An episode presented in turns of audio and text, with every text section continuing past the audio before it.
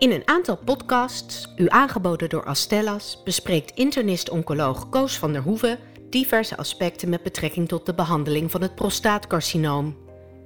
In deze podcast spreekt hij met internist-oncoloog Pieter van den Berg uit het Tergooi ziekenhuizen op de locatie Hilversum over het belang van lifestyle-adviezen bij de behandeling van prostaatkanker.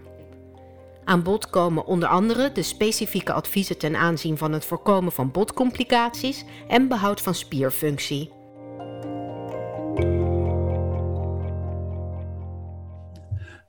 Podcast over prostaatkanker, een serie podcast over prostaatkanker. Uh, daar is heel veel over te vertellen. 12.000 nieuwe patiënten per jaar. Ze leven gelukkig een hele lange tijd.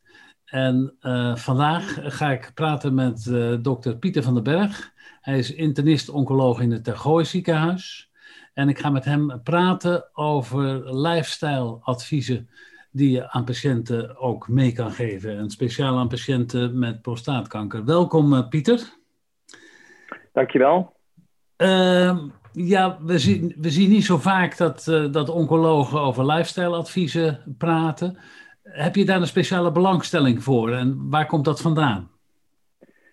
Dat is eigenlijk een beetje bij toeval uh, ontstaan. Uh, vijf jaar geleden kwam er een patiënt op mijn pad. Uh, en zijn naam is algemeen bekend, dat is Huip Kloosterhuis. Dat is niet een patiënt met prostaatkanker, maar dat was een patiënt met een coloncarcinoom.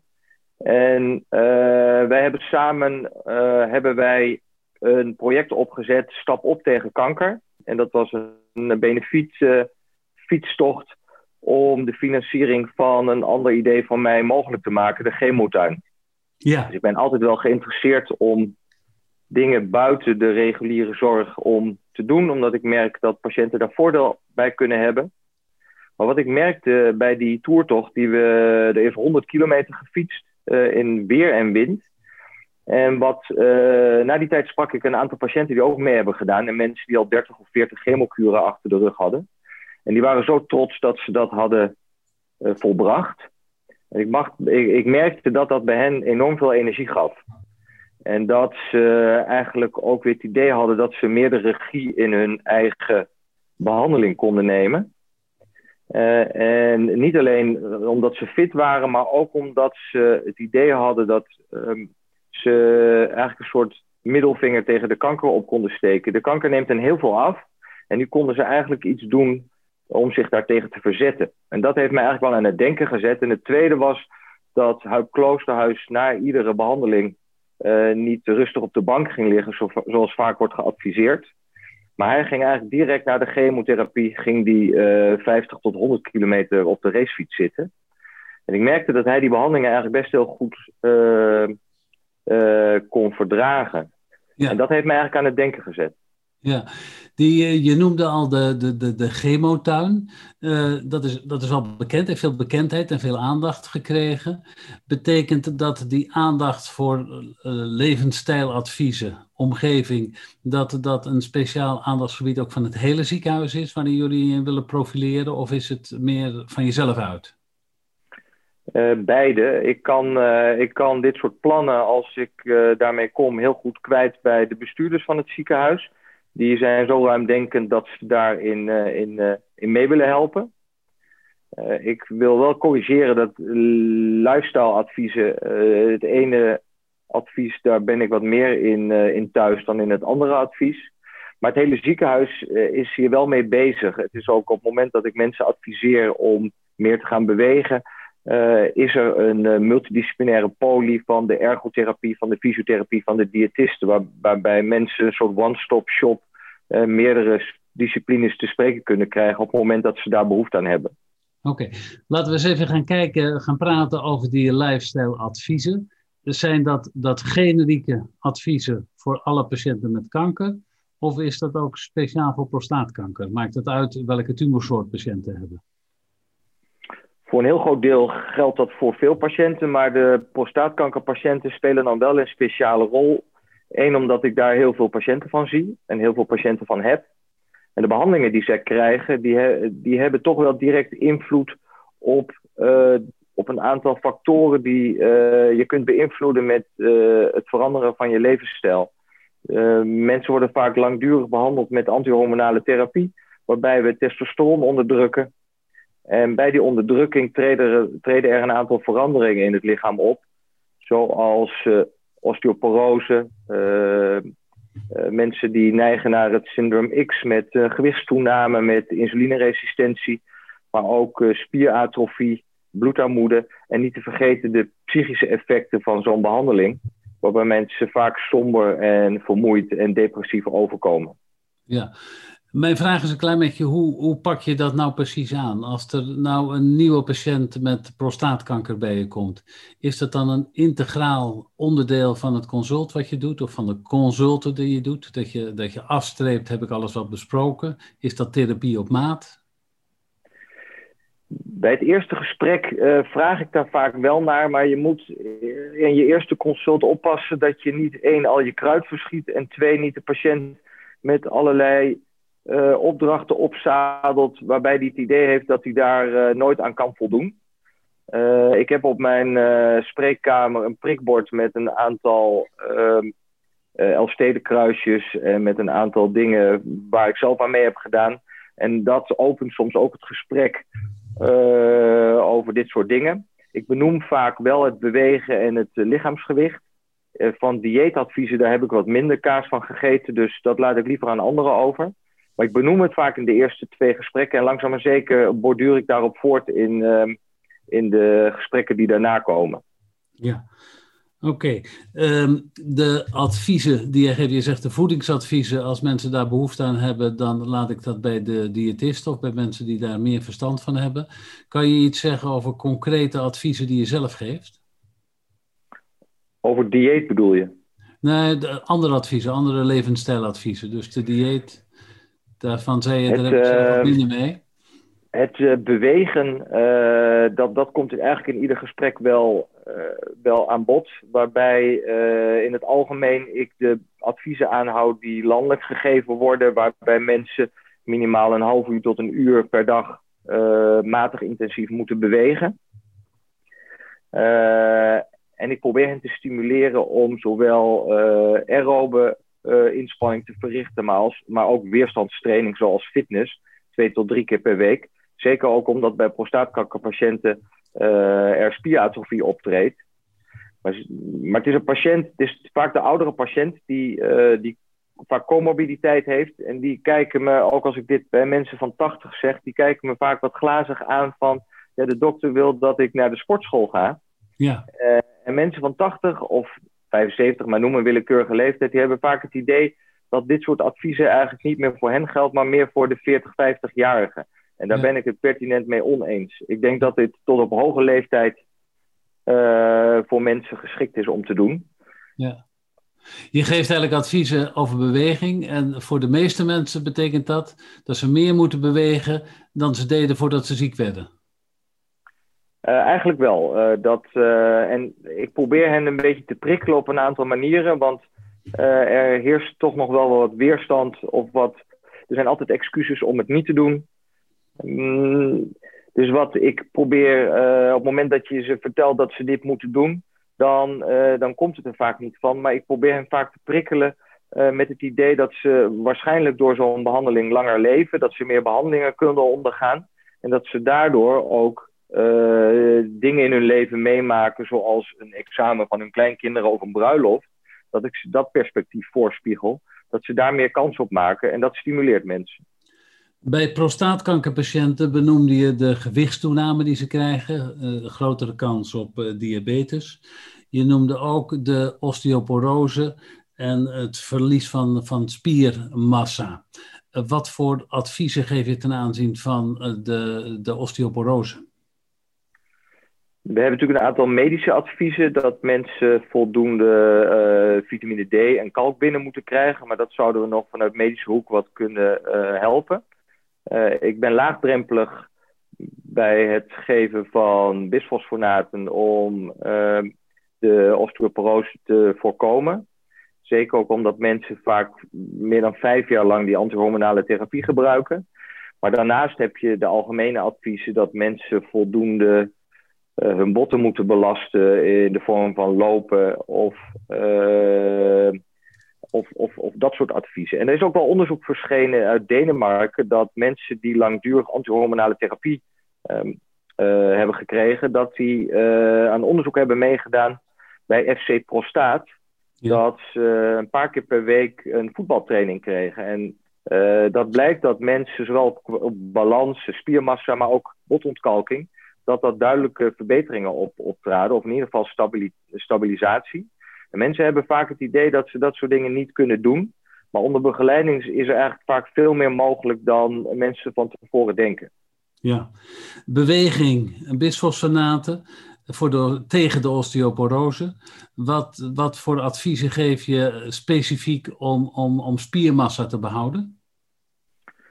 Specifiek geef ik de adviezen om uh, zowel aerobe als uh, weerstandstraining, te, of training als weerstandstraining te doen. En ik geef hen ook wel het advies om, zeker in eerste instantie, dat onder begeleiding te doen. Want mensen die kunnen heel moeilijk inschatten wat ze wel en niet mogen doen. Daarbij is het van belang dat er een goede overdracht is naar de sportschool of naar eh, de fysiotherapeut. Dus ik uh, nodig mensen altijd uit dat de hulpverlener aan de andere kant contact met mij op kan nemen. Um, er is ook een netwerk aan fysiotherapeuten met wat meer feeling en scholing in de oncologie. Die zijn verenigd uh, in het netwerk Onconet. Dat zijn inmiddels wel een paar honderd fysiotherapeuten. En omdat die affiniteit er is, denk ik dat je daar een goede keuze in kunt maken. Uh, maar ik zeg ook mensen dat ze uh, die fysiotherapeut in mijn ogen maar tijdelijk moeten gebruiken. Alleen in het begin of bij verandering van hun ziektebeeld, op het begin van hun behandeling. Maar dat ze uiteindelijk het zelf moeten doen. En dat is nog wel een ander probleem. Dat mensen in eerste instantie uh, vol goede moed aan de slag gaan onder begeleiding van een fysiotherapeut. Maar zodra ze weer aan hun lot worden overgelaten, om het maar zo te zeggen, dan, uh, dan gaat het vaak weer mis. Dus ik stimuleer hen om dit vaak samen met hun partner te doen. Omdat dat een stimulans geeft of met iemand anders. En ik stimuleer hen om iets te doen wat ze leuk vinden, uh, omdat dat ook de kans dat ze ermee doorgaan groter maakt. Ja, als je nou tien patiënten hebt, uh, Pieter, en uh, je hebt die voor het eerst gezien, en je kijkt naar een half jaar of naar een jaar wat ze met je adviezen gedaan hebben, hoeveel volgen het dan op? Ik denk dat het, de mensen die echt, echt veel gaan trainen, echt substantieel meer dan dan ze er van tevoren deden. Ik denk dat dat er uh, twee of drie zijn. En dan gaan er, denk ik, vier mensen gaan misschien net wat meer bewegen. Waarbij het maar de vraag is of ze dan echt een voordeel daarvan hebben. Ja. Ondervinden mensen, patiënten, problemen bij het vinden van die begeleiding? Want je zegt, je hebt genoemd dat er speciaal uh, opgeleide en speciaal geïnteresseerde fysiotherapeuten zijn. Maar kunnen de mensen die weg altijd wel vinden? Dat is moeilijk. En dan financieel zijn er vaak ook zorgen. Omdat, uh, en nu in de coronatijd is het allemaal nog iets ingewikkelder, omdat er een bepaalde zorg stilgelegen heeft. Um, maar wij hebben in ieder geval bij ons in het ziekenhuis, kan ik mensen naar die eerder genoemde uh, uh, intake van onze fysiotherapeuten sturen, die contacten hebben met fysiotherapeuten in de buurt van de patiënt.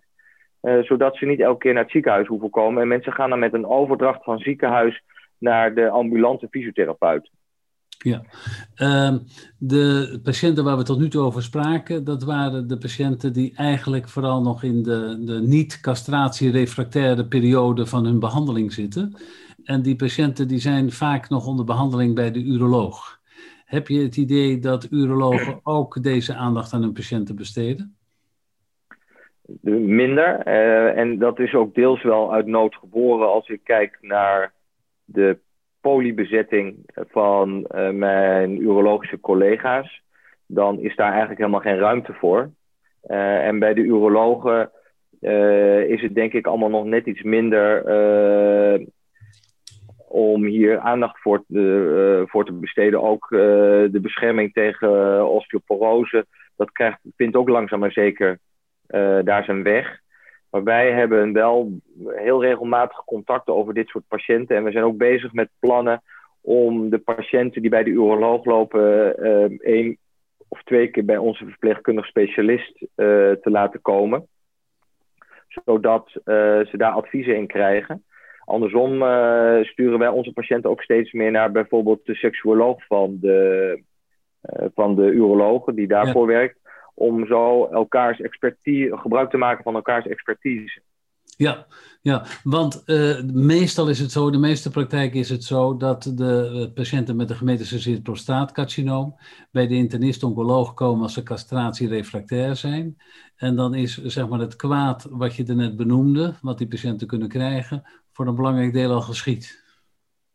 Dat klopt. We krijgen natuurlijk wel steeds meer patiënten in een eerder stadium, omdat de mensen met een uh, hormoonsensitief gemetastaseerd prostaatcarcinoom eigenlijk bijna allemaal wel een keer door een oncoloog gezien worden. Ja. Dus dat betekent eigenlijk dus dat dan krijgen zij die adviezen en dan gaan ze vaak wel voor een periode weer terug naar de uroloog.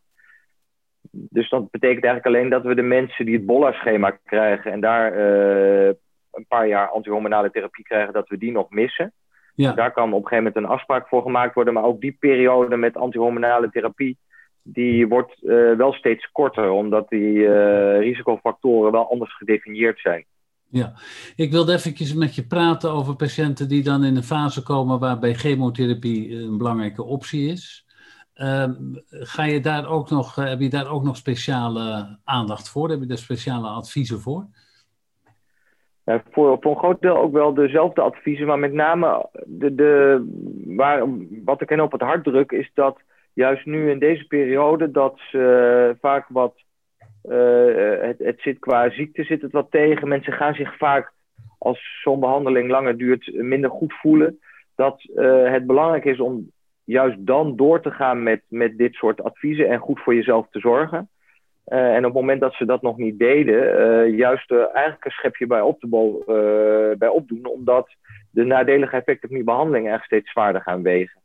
Maar ook niet alleen op het fysieke gebied, maar ook op het mentale gebied. mensen, zoals ik net al zei, krijgen de regie terug. Maar mensen gaan zich ook beter voelen door de endorfines die ze door inspanning krijgen. Dus het helpt ook tegen dat soort effecten. En dan krijg je eigenlijk een soort visieuze cirkel naar boven als ze zich beter voelen. Dan is het voor hen ook makkelijker om zich om dit soort inspanningen te gaan doen. Ja, je noemde het al een, een paar keer. Mensen voelen zich er beter door. Het is een, een, een subjectief gevoel. Als je nou een, een kwaadwillende eh, persoon tegenover je hebt en die zegt van ja, er zijn wel, wel mooie verhalen die hij vertelt, maar hoe kan je dat nou meten dat het effectief is wat hij allemaal voorstelt? Heb je daar een antwoord op? Ja, een individuele patiënt kan je heel moeilijk meten, omdat uh, je hebt niet een, uh, een controlearm uh, van hoe het anders was gegaan. je kunt, je kunt het bewijs wat er is voor luisteradviezen, dat is heel ingewikkeld om te interpreteren, omdat er heel veel overlap is. En dat het doen van onderzoek ingewikkeld is, omdat er heel veel bias is. Omdat de duur van je inspanning, de hoeveelheid alcoholgebruik, de, de hoeveelheid suikers die je eet, dat dat heel moeilijk te meten is. Dus je, kunt, uh, je, hebt, je hebt in je spreekkamer niet een keihard bewijs. Dus ik probeer het dan ook wel op iets wat cynische of prikkelende toon, net zoals uh, hoe je het wil noemen. Probeer ik ze te overtuigen dat uh, ze het maar eens een tijdje moeten proberen. Ehm, met een van de dingen die ik dan noem, is dat mensen geen tijd kunnen of willen maken voor bewegen, maar als ze ziek zijn, wel tijd moeten maken om ziek te zijn.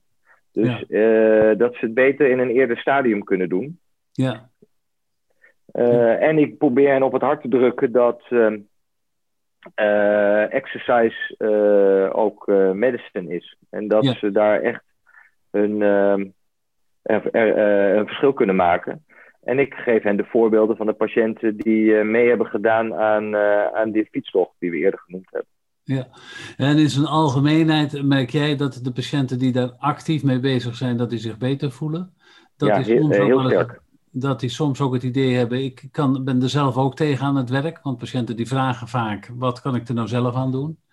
En ten aanzien van de osteoporose en het uh, spiermassaverlies, daar heb je en, het, en het, de gewichtstoename heb je natuurlijk ook meetbare dingen die uh, door beïnvloeding van lifestyle uh, verbeterd kunnen worden, maar waarbij medicamenteuze interventies, zoals je genoemd hebt met de bisfosfonaten, vitamine D, ook een rol spelen. Ik probeer mensen, we hebben het, shared decision making staat in de belangstelling. Maar ik denk dat uh, ik probeer mijn, probeer mijn, patiënten te overtuigen dat we ook een shared treatment hebben. dat ze echt ook een eigen verantwoordelijkheid hebben in hun behandeling. En die ook moeten nemen in, mijn ogen. Uh, de, laatste tijd heb ik her en der gewoon toch wat media-uitingen van je gezien. Uh, dat, dat betekent dat je er denk ik trots op bent dat je er aandacht aan besteedt. Het zou ook kunnen betekenen dat je vindt dat anderen dat te weinig doen. Is dat zo? Nee, ik probeer geen mening te hebben over anderen. Ik, uh, ik, ik weet niet wat er door anderen in de spreekkamer besproken wordt. En misschien doen zij weer dingen die, uh, die ik weer laat liggen. Dus je, je werkt in een team waarbij ieder zijn eigen... Niet iedereen is de spits in een voetbalteam.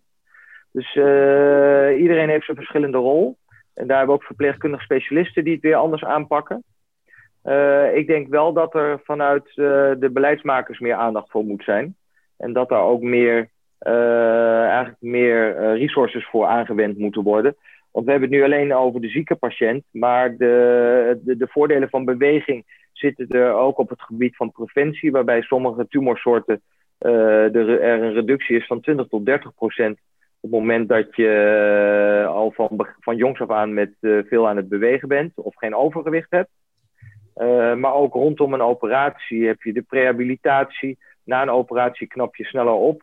Dus er zijn eigenlijk wel drie of vier tal momenten in je leven zijn er voordelige effecten aan te wijzen voor bewegen. En er is ook nu recent volgens mij een, wordt er een petitie uitgewerkt waarbij de overheid wordt opgeroepen om hier meer geld aan te besteden. Ja. En ik vind het niet zo logisch, omdat, niet zo onlogisch, omdat uh, uiteindelijk kost het minder geld om mensen te behoeden voor allerlei ziektes dan dat we ze met allerlei dure medicijnen gaan behandelen. Ja, nou ik denk dat, uh, dat, dat je interessante dingen verteld hebt. Uh, wat, wat mij in ieder geval bijgebleven is voor de prostaatkankerbehandeling teamwork, verpleegkundig specialisten, urologen, internist-oncologen, maar vooral ook de patiënt zelf uh, shared decision making, uh, gezond leven, gezonde voeding, gezond in beweging. Dat maakt dat je door een moeilijke periode in ieder geval beter kan heen komen. Is dat een klein beetje de conclusie die je kan delen? Ja, dat, die, die conclusie kan ik heel goed delen. Ik denk dat je één ding vergeet. En die hebben wij, uh, die hebben, heb ik niet besproken. De patiënt is ook gebaat bij een, uh, een fitte en uh, goede dokter. Dus de voordelige effecten van het bewegen, die gelden niet alleen voor de patiënt, maar die gelden ook voor de dokter. En op het moment dat je je beter voelt, kan je de patiënt ook beter helpen. Ja, nou, dat is eh, denk ik een hele mooie afsluiting. Uh, als er nou um, patiënten of artsen zijn die zeggen: ik, ik wil in contact treden met, met fysiotherapeuten die speciaal daar belangstelling voor hebben, waar moeten ze zich melden? Uh, dat is het netwerk dat heet Onconet. En er is nog wel een andere uh, stichting uh, van belang om te noemen. Dat is de Stichting Tegenkracht. Inmiddels hebben die ook, uh, zijn ook die betrokken bij bijvoorbeeld de zieke, de, zieke werknemers van de politie. Om hen te rehabiliteren op, op medisch gebied. op het moment dat er logistieke of financiële problemen zijn, dan kunnen zij helpen bij het oplossen van de problemen voor de patiënt door ofwel een deel van de financiën over te nemen of de gesprekken aan te gaan met een aantal financiers of werkgevers. En ik denk dat het in het belang is van de werknemer, maar ook zeker voor de werkgever. Dus de Stichting Tegenkracht is nog wel iets om uh, aandacht aan te besteden. Oké, nou dank ook voor deze uh, nuttige praktische tips. Ik wil je hartelijk danken voor dit interview. Ik neem aan dat je weer op de fiets stapt. En nou, we zien elkaar bij een andere gelegenheid. Dankjewel. Ja, dankjewel, Koos. Bent u geïnteresseerd in de overige podcasts met betrekking tot de behandeling van prostaatkanker? Deze zijn te vinden op de website oncologie.nu.